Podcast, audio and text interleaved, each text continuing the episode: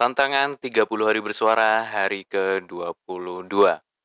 Topik hari ini adalah tentang kematian. Siniar Raji Bersenandung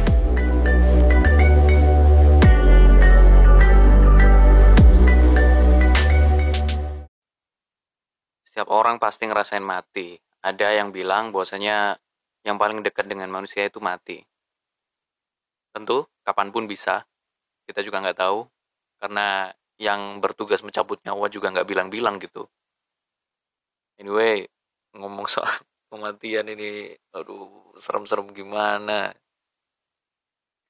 Saya jadi keinget peristiwa-peristiwa meninggalnya ya orang-orang terdekat di di kehidupan saya yang paling yang paling mengingat itu yang paling teringat di dalam kepala saya itu adalah meninggalnya ibu saya almarhum almarhumah tahun 2013 kemudian eh, teman saya juga ada yang meninggal tahun tahun berapa ya lupa ya tahun 2011 apa ya? Pokoknya sebelum saya kuliah di UMM kok. Ya, itu itu nggak nyangka. Soalnya malamnya kami masih ketemuan, salaman, eh, bercanda. Eh, besoknya ada kabar dia meninggal. Aduh, nggak nyangka itu. Dan saya takziah ngelihat jenazahnya di bopong juga ke keranda jenazah. Aduh, keinget ya aduh ya Allah aduh ya Allah keinget apalagi waktu ibu saya meninggal itu aduh ya Allah. Soalnya beliau beliau meninggal itu juga uh, di ambulan jenazah beliau kan diantarkan pakai ambulan ya ke rumah. Itu saya nemenin di dalam ambulan. Itu saya bingung mau nangis atau tidak. Bingung. Posisi ya Allah ibu saya di dalam keranda jenazah ditutupin kain hitam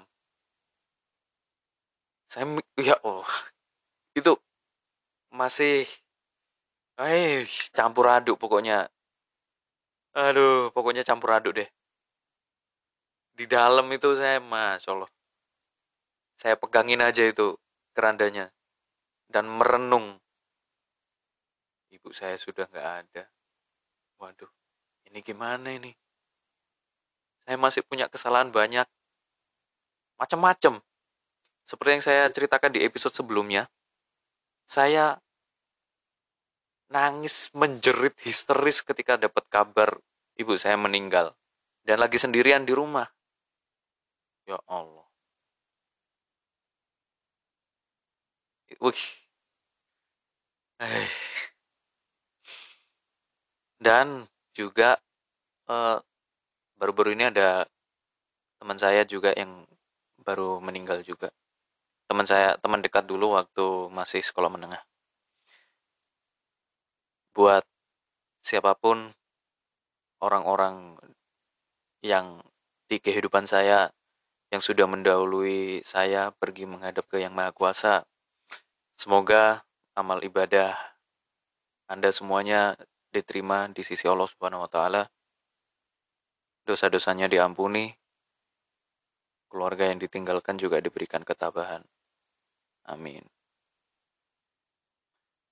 Kemudian soal kematian ini saya jadi teringat COVID. Karena di COVID ini banyak banget berita orang meninggal bahkan aduh nggak bisa kehitung deh. Dalam satu bulan itu bisa lebih dari tiga orang saya dengar ada kabar meninggal di WhatsApp grup WhatsApp grup kan juga banyak ya. Ada uh, alumni alumni sekolah ada alumni apa alumni apa ada tempat kerja saya dan lain-lain. Ada organisasi apa. Banyak banget berita meninggal. Di tahun 2020 banyak banget. Saya saya males ngitung buat apa menghitung kepergian orang gitu Hih, wih, nggak nyangka, nggak nyangka, nggak nyangka. Inilah tanda bahwa kematian itu memang dekat dan nggak disangka-sangka, berapapun umurnya. So yang Anda kalau yang merasa akan hidup kekal dan masih merusak tubuh Anda, mungkin juga masih berbuat uh, sesuatu yang ya membuat Anda menyesal ketika kematian menjemput, itu akan lebih baik cobalah dikurangi. Karena kematian itu datangnya nggak di nggak di nggak bisa diperkirakan. Kapan pun bisa datang gitu dan secara tiba-tiba dan ada aja sebabnya itu. Wih, aneh aneh tapi nyata. Dan itu kuasa yang maha kuasa gitu kuasanya Tuhan yang maha esa kita manusia yang kerdil banget ini nggak bisa apa-apa.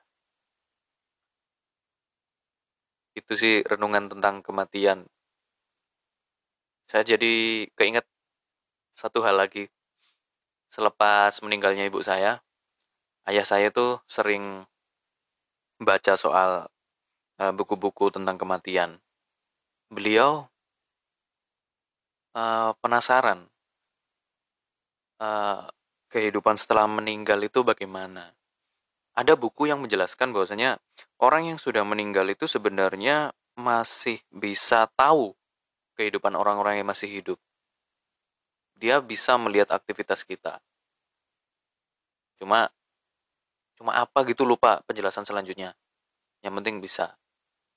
Dan bisa bisa melihat misalkan kawan saya sudah meninggal gitu, dia bisa melihat saya gitu yang masih beraktivitas. Oh, Raji ternyata males belajar ternyata. Ternyata Raji lebih suka main game dan banyak terus apalagi ya kemarin itu saya lupa pokoknya itu yang uh, poin yang paling saya ingat itu itu orang meninggal masih bisa melihat aktivitas orang-orang yang masih hidup Kemu oh iya satu lagi kemudian orang yang sudah meninggal patutnya diberikan uh, kita kita doain kita doain agar di alam kubur itu dia uh, merasakan kelengangan. Kelengangan itu apa ya? Bener gak sih bahasaku? Merasakan kenyamanan. Jadi gini, bahasa alam uh, uh, kuburan menyempit itu bukan berarti secara fisikal menyempit. Kalau nggak salah ya waktu itu penjelasan dari ayah saya itu. Tapi di alam kubur itu nyaman atau tidak itu loh. Nah, ketika alam di, uh, ketika keluarga yang ditinggalkan itu banyak mendoakan uh, kemudian banyak memberikan hal-hal yang positif itu nanti akan membantu orang yang sudah meninggal dan su, uh, posisinya berada di alam kubur kan kalau meninggal ya nah akan membantu orang-orang yang di alam kubur itu merasa nyaman merasa merasa seakan-akan berada di surga, merasa seakan-akan uh, di kuburan itu dia tidak sendirian. Kemudian ayah saya itu mengaitkan dengan doa untuk uh, orang yang sudah meninggal. Doanya kan ada kalimat seperti ini, berikanlah rumah yang baik, yang lebih baik ketika daripada rumah ketika dia masih hidup, teman yang lebih baik, uh, pasangan yang lebih baik, dan lain-lain. Pokoknya apa pun yang lebih baik.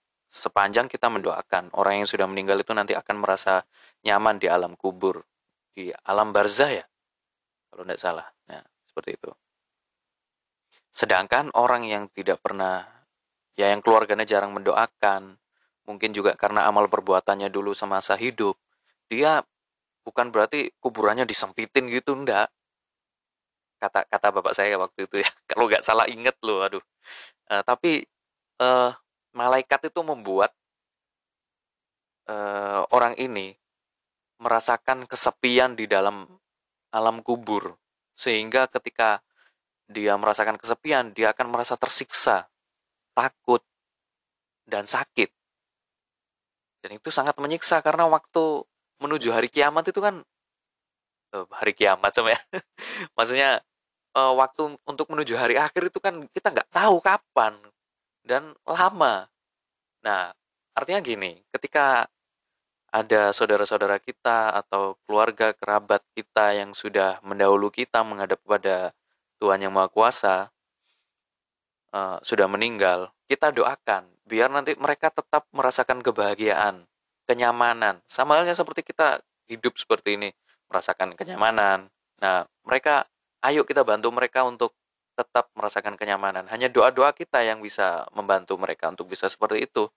Dan uh, mungkin doa-doa kita juga akan mampu membantu mereka terhindar dari akibat eh, perbuatan-perbuatan buruk mereka selama selama hidup.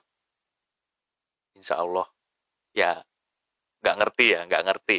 Nggak ngerti itu ranahnya ranahnya Allah gitu. Kita nggak ngerti orang yang hidup ini nggak bisa apa. Hanya hanya belajar memperkirakan dan juga mengimani bahwasanya ada alam-alam setelah kehidupan. Eh, alam-alam di proses kehidupan manusia itu bermacam-macam dan juga uh, kita juga mengimani ada proses proses-proses tertentu dan juga kuasa kuasa Tuhan yang maha kuasa. Itu aja sih. Semoga sekali lagi semoga orang-orang yang sudah mendahulu kita diampuni dosa-dosanya. Kemudian keluarga yang ditinggalkan juga diberi ketabahan. Dosanya diampuni amal ibadahnya diterima di sisi Allah Subhanahu wa taala Terima kasih, sampai jumpa di episode berikutnya. Podcast Haji Bersenang